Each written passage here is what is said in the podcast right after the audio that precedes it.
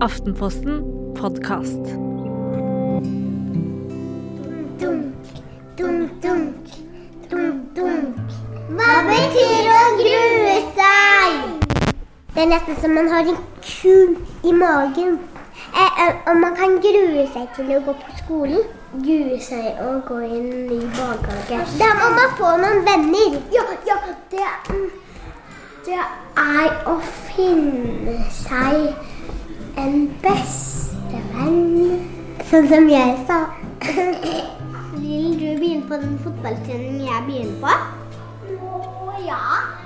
Men det er bare rett ned den bakken jeg bor ved. Og så må man gå over gata, gå over gata, og så må man gå over gata, gå over gata, og så går man den veien, og så går man opp, og så er man fremme.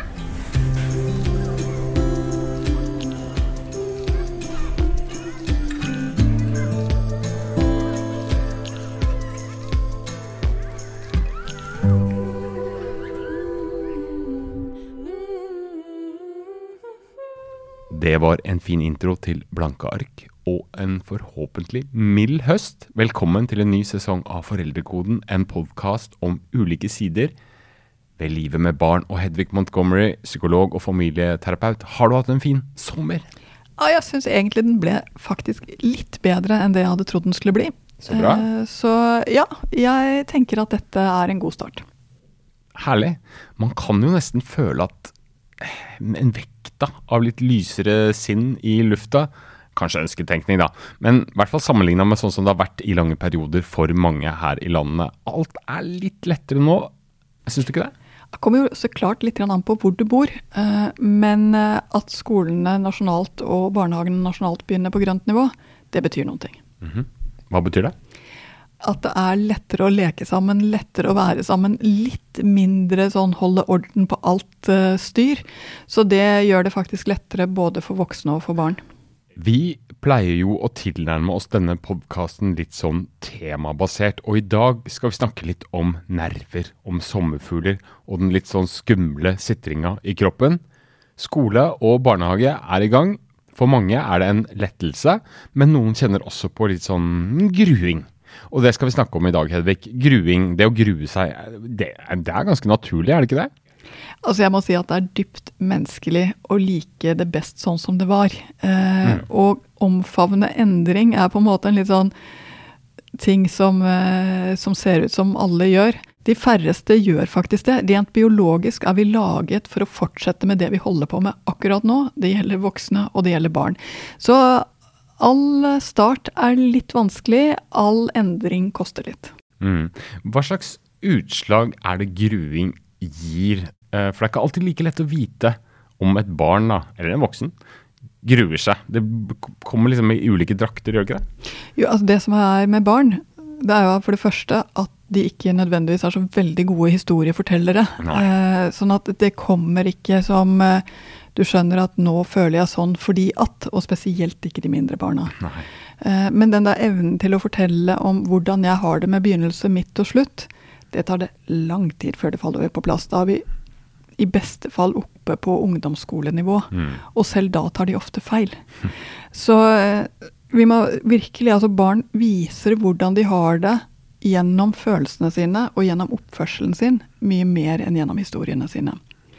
Det vil si at uh, de tegnene de viser, er ofte rett og slett å nekte, begynne å snakke om noe annet, se bort, Uh, late som det ikke finnes. Ganske vanlig, spesielt hos mindre barn. Uh, alle fysiske ting som du kan få når hele kroppen er aktivert på feil måte. Vondt i magen, føler seg uggen, sliten. Barn har mye av disse kroppslige signalene på at åh, nå kjentes dette ikke helt bra ut. Og dårlig oppførsel også. Altså Noen ganger så er barns eneste måten å si fra på og sette grenser på, er de måtene som vi liker dårligst. Mm. Så når de kan virke tverre og sure og, og sinna og urimelige, så er det, kan det fort være at de gruer seg til noe. Det kan rett og slett handle om at dårlig oppførsel er deres måte å si stopp et øyeblikk, jeg følger deg ikke helt akkurat nå, du ligger langt foran meg og jeg er usikker på det som skjer. Hva gjør man når barnehagebarna setter seg til motverge, holdt jeg på å si, og så bare ikke vil? Nå må vi si at Barnehagetiden er jo faktisk ganske lang. Forskjellen på en ettåring og en femåring er kjempestor. Så ser vi at dette ofte går i bølger. Eh, så går, får man en periode hvor det går ganske fint, og så går det opp for barna at dette er for alltid. Altså Sånn skal det faktisk være fremover. Og da er det mange barn som får en runde nummer to med vil ikke eh, bruke lang tid om morgenen, eh, nesten saboterer hele familien om morgenen. Og foreldre som selvfølgelig blir kjempeslitne. Ofte går det også hånd i hånd med å sove dårlig. Eh, fordi endring fører ofte til dårligere søvn hos barna også. Så eh, for mange barnehagebarn så ser vi at det liksom får sånne bølger som slår utover i hverdagslivet også. Du kan se det på appetitten, du ser det på søvnen, du ser det på de andre tingene som også skjer i barnets liv. Det eneste måten å håndtere dette på, er for det første med å skjønne at vet du hva, ja, det er vanskelig. Det er faktisk vanskelig å gå i barnehagen. Vi tenker at det burde være lett, men det er ikke nødvendigvis det. Det må vi som voksne skjønne. Og det andre er at barna trenger veldig å se at vi stoler på barnehagen. Kan navnet på de voksne, smiler når vi kommer, småprater bare ett og et halvt minutt. 90 sekunder er nok, faktisk. Eh, Sånn at barna kjenner at dette er en normal setting, og ikke en eh, levere inn og bli borte-setting. Samtidig så trenger de heller ikke at du sitter der i timevis og kommer og går og kommer og går og kommer og går, sånn at de til slutt blir helt forvirret. De må kjenne på at ok, du skjønner hvordan barnehagen fungerer, du snakker med de voksne der på en ålreit måte, og du er avslappet og trygg både når du leverer og henter. Mm. Det du sa der i stad, at man liksom skal skjønne at de, nå er de der, osv. Og Det er sånne som eksperter som deg ofte sier at vi skal møte følelsen og anerkjenne det. og sånn, Men problemet med det er at det tar så lang tid.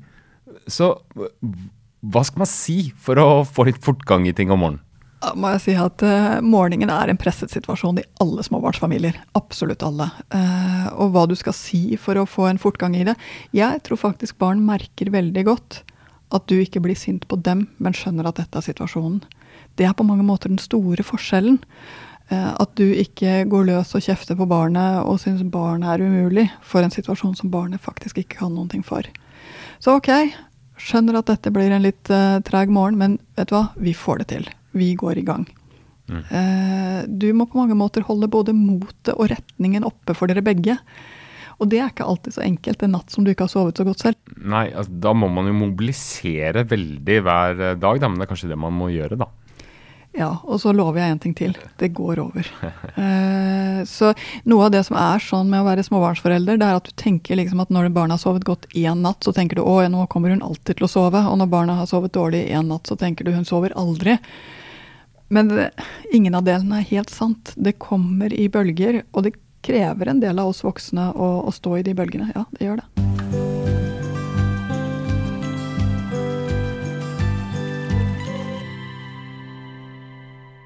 Ok, la oss gå litt opp i alder her, da, i dette grueprosjektet vårt. Hva er det som er liksom, typiske mønstrene man ser med gruing av de mindre skolebarna? Så jo eldre barn blir, jo mer kan man snakke med dem. Det skjer allerede i barnehagealderen, det. At du kan begynne å si 'vet du hva, jeg skjønner det', men du, vi gjør det sånn istedenfor. Altså det at barn kjenner at de får meningsfulle svar når snakker, de snakker med deg, og at du nikker til dem på ekte, den tilliten begynner å bygge med barna allerede i barnehagealderen. Så allerede når du har den tre-, fire-, femåringen, så, så, begynner de å skjønne at vet du hva, de kan si ting til deg, og du eh, kjefter ikke for det. Du hjelper dem videre. Så du begynner å bygge denne tilliten allerede da. Og så kommer det opp i skolealder, og jeg må si, den der begynner i første klasse, det er en kjempeovergang fra barnehagen. Mm -hmm. Eh, det er eh, Heldigvis så jobber man nå mer med å ha mer voksne inn i førsteklassene, for det trenger de virkelig. Ja. Fem-seksåringer er små. Ja. Eh, de bruker tid på å bli vant til å forholde seg til timeplan, til å ha lek som plutselig blir organisert på en helt annen måte, på å være flere, på å få hjelp på en annen måte. De forholder seg også når de kommer opp til både skolesystemet og SFO eller AKS-systemet, altså skolefritidsordningen. Så de, de, de får jo liksom to sett voksne eh, de aller fleste steder. Så det er mye nytt. Eh, og det betyr at barna i første klasse er mye slitne. Det er så mye å tenke på dem, og det koker litt i hodet. Noen er mer klare for det enn andre, for dette handler mye om modenhet. Eh, om de er klare for å ta inn så store mengder informasjon. Noen får rett og slett nesten litt overload. Da er det ingenting annet å gjøre enn å gå veldig mye saktere på fritiden. Det kommer da til å bli et år med mindre andre aktiviteter, mindre besøk, mindre mye annet. Rett og slett fordi de trenger så mye kos eh, og så mye ro i den tiden som er utenfor eh, skole- og fritidsordningstid. Ok, Men hva hvis man da har gått en stund, da, og så merker man at barna eh, de vil ikke? Det blir ikke bedre, rett og slett. Og det er helt klart, dette gjelder ganske mange familier eh, på barnetrinnet, på småtrinnet. At der hvor andre foreldre føler at nå går det bedre, de vinker i porten, og man ser at foreldrene er kjempestolte fordi de vinker og går, og barnet løper lykkelig andre veien, og så er det du som står der med en eh, syv-åtte-åring kanskje, som, og niåring for den delen, som klamrer seg til deg og ikke vil slippe. Eh, da føler du deg ikke som tidenes beste forelder. Men her er det første jeg må si. Det kan det godt være at du er.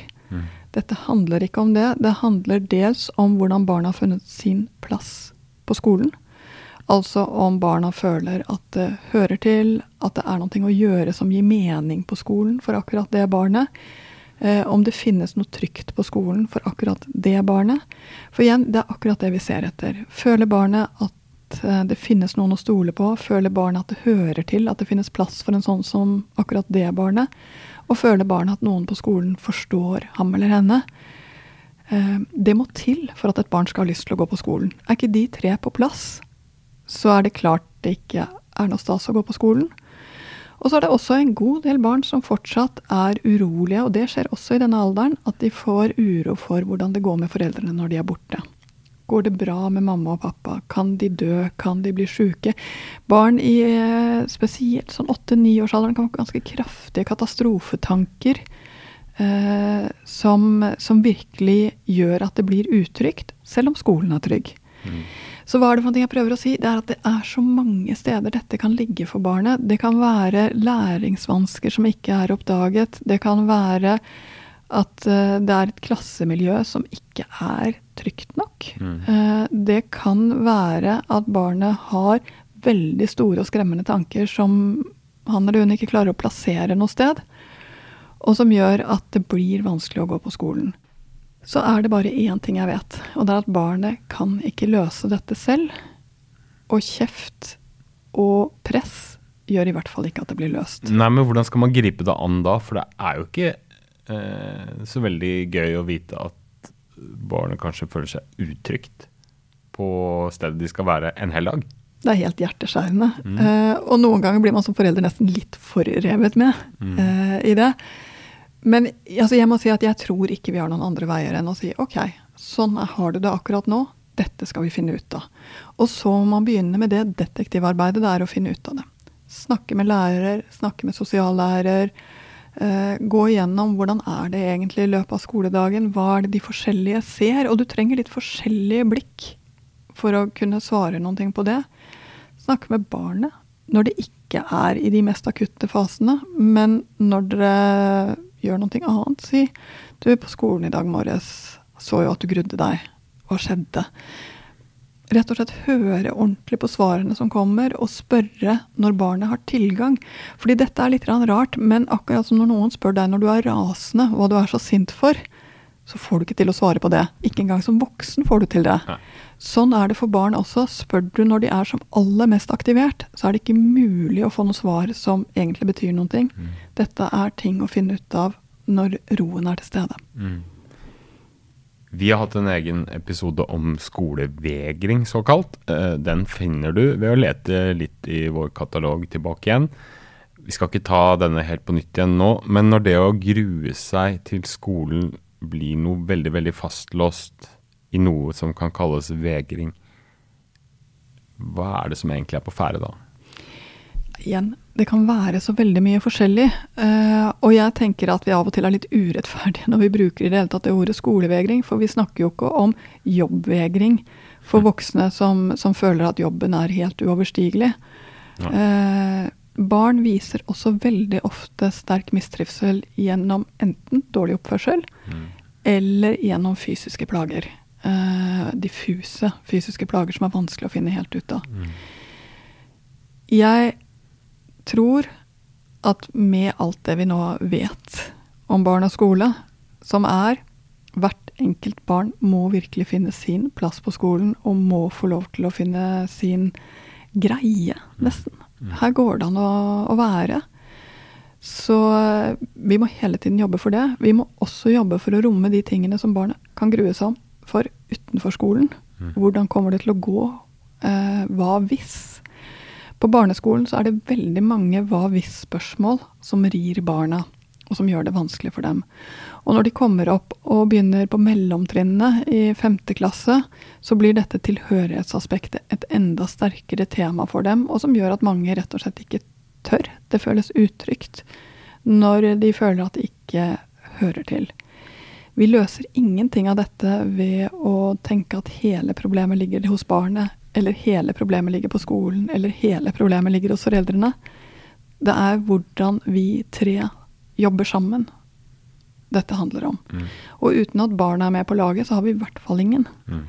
Så det å være litt detektiv, se hva det handler om, hele tiden holde kontakten med barnet, men også vite at det ganske ofte går over.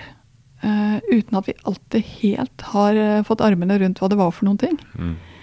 Eh, jeg eh, vet at vi ser etter de der helt sånn rette linjene. Dette tyder på det, punktum. Men jeg ser at hver gang jeg går inn i en sak hvor det er et barn som syns det er vanskelig å gå på skolen, som gruer seg, som til og med setter seg til motverge Det er så mange mulige ting det kan handle om, og ofte så er det også mer enn én. Så om det er en uoppdaget allergi, om det er en eh, synsfeil som ikke er oppdaget, om det er en dysleksi som ikke er brakt på det rene, om det er en følelse av utenforskap eller en lærer som er skremmende Det kan være så mye, og vi må ikke gi opp å lete. Men hvordan skal man egentlig identifisere om dette her er noe som må gripes an, eller om dette er noe som sannsynligvis kommer til å gå over en fase, noe de fleste går igjennom? Fordi man skal vel ikke helt årsaksidentifisere i hjel enhver uh, situasjon? Nei. Og det er nettopp derfor det er så viktig å snakke med læreren. Og snakke med ledelsen på skolen. De har sett dette før, og skal klare å håndtere det sammen med deg. Vi går opp et trinn til til ungdomsskolen. Hva er det som skjer da, gjerne, eh, i forbindelse med gruing? Må jeg bare si at Ungdomsskoleelever er jo midt oppi tidenes største endring. Og på et eller annet tidspunkt så faller det litt til ro. Eh, men ofte så ser vi hos eh, 12-13-14-åringene De er slitne, de har lyst til å chille. De liker å ligge i senga veldig, veldig, veldig godt. Eh, og det er virkelig slik at de syns det er vanskelig å stå opp. De begynner for tidlig på skolen i forhold til sin indre klokke, nesten alle som en. Eh, I tillegg så er det jo en tid for mye tvil. Om jeg er god nok, om jeg trengs. Om noen kommer til å bli glad i meg. eh, om noen noen gang kommer til å forelske seg i meg. Altså alle disse spørsmålene som er kjempestore og skarpe i en ungdomsskoletid. Jeg syns ikke det er rart at mange ungdomsskoleelever gruer seg til første dag i eh, åttende, niende eller tiende klasse. Eh, Jeg syns ikke det er rart at også mange er litt spent. Hvordan har det gått med de andre? Hvordan ser de ut nå? Hvem har de hatt kontakt med? Hvem har de ikke hatt kontakt med? Og for å legge litt sånn ekstra på det, så er det jo også mye informasjon de nå deler eh, i klassechatten eller på sosiale medier, som gjør at de også har fått litt sånn skjevt bilde av hvordan de andre egentlig har det når de kommer tilbake igjen til, til skolestart. Ungdomstiden er akkurat dette, eh, og jeg tror ikke vi har så mye annet å gjøre enn å én, ikke ta det personlig at det er vanskelig å stå opp. Eh, to, eh, skjønne at ja ja, det er absolutt ganske mye press å skulle få disse karakterene og levere inn det man skal levere inn. Men det kommer til å gå bra. fordi de er ikke alene. Mm. Det verste å føle i denne alderen er faktisk at ingen er her med meg, og ingen ser at sånn har jeg det. Ok, Så hvordan skal man rigge det til hjemme for at det skal føles bra? Altså Det ene er at du må bare svelge tungt og vite at vekking er helt vanlig å gå inn både tre og fire ganger. Eh, og du trenger ikke å miste deg selv helt på noen av disse gangene. Gå inn igjen, si at ja, men nå må du. Ja, men nå er det på tide. Altså, ta sånn hver gang. Eh, de sovner ikke igjen for å være slemme. Det er rett og slett vanskelig for dem å motstå det. Mm. så pass på at du har eh, litt sånn fått deg din egen kaffekopp først. Er det ene jeg vil si. Det andre jeg vil si, er at når de forteller noen ting, hør etter. Eh, og vent med å komme med råd virkelig så lenge som du bare kan. For ungdommene føler ofte at de knapt nok kan begynne å si at de eh, syns noen ting er vanskelig, før de blir for 40 gode råd. Okay. Eh, og det Det er veldig få av de rådene vi gir som egentlig kan brukes. Ja. Eh, det er litt som når du går til sjefen din og sliter med en oppgave, og sjefen bare sier 'ja, ja, men', og så kommer det peprende på med ting du burde ha gjort, og du burde ha skjønt, som du egentlig vet. Eh, Så trekk ned tempoet litt i din egen rådgivning, og skru på ørene litt. Eh, Jeg tror nok at eh, ungdomsskoleforeldrenes viktigste egenskap er å ikke bli så fortvila, ikke bli så sinte, og også holde bare retningen. Jeg vet at det er vanskelig, men skolen er der nå en gang, og dette må vi bare få til på noe vis. Holde ut og holde ut og holde ut. Og også når det er eh, skikkelig vanskelig. Ja, Igjen, hør med læreren. Hør hvordan det går på skolen. Hvordan ser det ut? Av ren nysgjerrighet, når burde ungdomsskolen starta, hvis man skulle holdt den i biologiske klokken? Nei, Det er jo et godt spørsmål. Jeg lurer på om vi ikke da hadde vært så sent ute at det hadde blitt vanskelig å få til i samfunnet. Jeg tror kanskje at 9.30 hadde vært ganske bra. 9.30. Ja.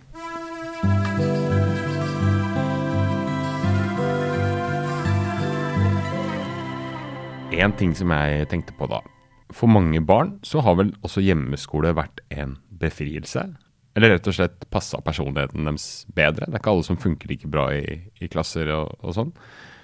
Hvor mange arbeidsplasser legger jo nå til rette for at folk skal fortsette å ha hjemmekontor? Hadde ikke det vært et bra tilbud for barn og ungdom òg, egentlig? Altså, la de som er disiplinerte nok og trives best hjemme og få gjort mer, eh, være der. Og så kan de, de andre fortsette som før på, på skolen? Jeg vet ikke. Ja, det kan du si. Det blir jo spennende å se hvordan det fungerer på arbeidsplassene. Eh, Fordi det er jo noen ting som skjer når vi møtes, som ikke skjer når vi ikke møtes. Og for barn er det noe som skjer en veldig veldig viktig ting. Det handler om en trening i å håndtere hverandre, håndtere livet, håndtere disse bulkene og motgangen. Så jeg tror nok fortsatt at jeg vil holde på at det å møte opp på skolen og på jobben faktisk har en egenverdi. Og også fordi at konflikter som ikke har noe sted å løses, vil ikke bli løst. De vil bare bli skjøvet foran. Min beste gjetning når det gjelder arbeidsplasser, er at vi kommer til å få flere uløste saker enn vi har hatt noen gang før. Okay. Som vi dytter foran oss fordi vi kan, helt til det ikke går an å dytte lenger. Det er ille for voksne, men det er ingenting mot hvordan det blir for barn når de faller utenfor. Skolen er en så, og barnehagen er en så vesentlig plass for å øve, for å høre til, for å se at folk er for forskjellige, for å tåle hverandre. At tar vi bort det aspektet der, så er det veldig få steder igjen å være nettopp i den treningssituasjonen. Og utenforskapet vil rett og slett bare vokse seg større og større. Så jeg er glad for at alle barna kommer tilbake igjen på skolen. Og så må jeg si, kanskje det finnes andre måter å legge opp undervisningen på, altså hvor vi bruker flere frihetsgrader, og vi kanskje ser at noe av det som vi tvinger alle barna til, trenger vi ikke å tvinge alle barna til. Det er hele tiden rom for å, å justere og forbedre. Men jeg er helt sikker på én ting. Uten ansikt-til-ansiktskontakt, også med hverandre, så vil barna rett og slett gå glipp av for mye. Ja, vi har snakka om det å grue seg til eh, oppstart starte igjen. Hedvig Montgomery, hvis du skal komme med tre tips da, til hva man kan gjøre som forelder hvis barna har fått en gru i seg. Det ene der alle overganger koster. Glem det aldri. Eh, og at barn er som oss, det er helt i orden.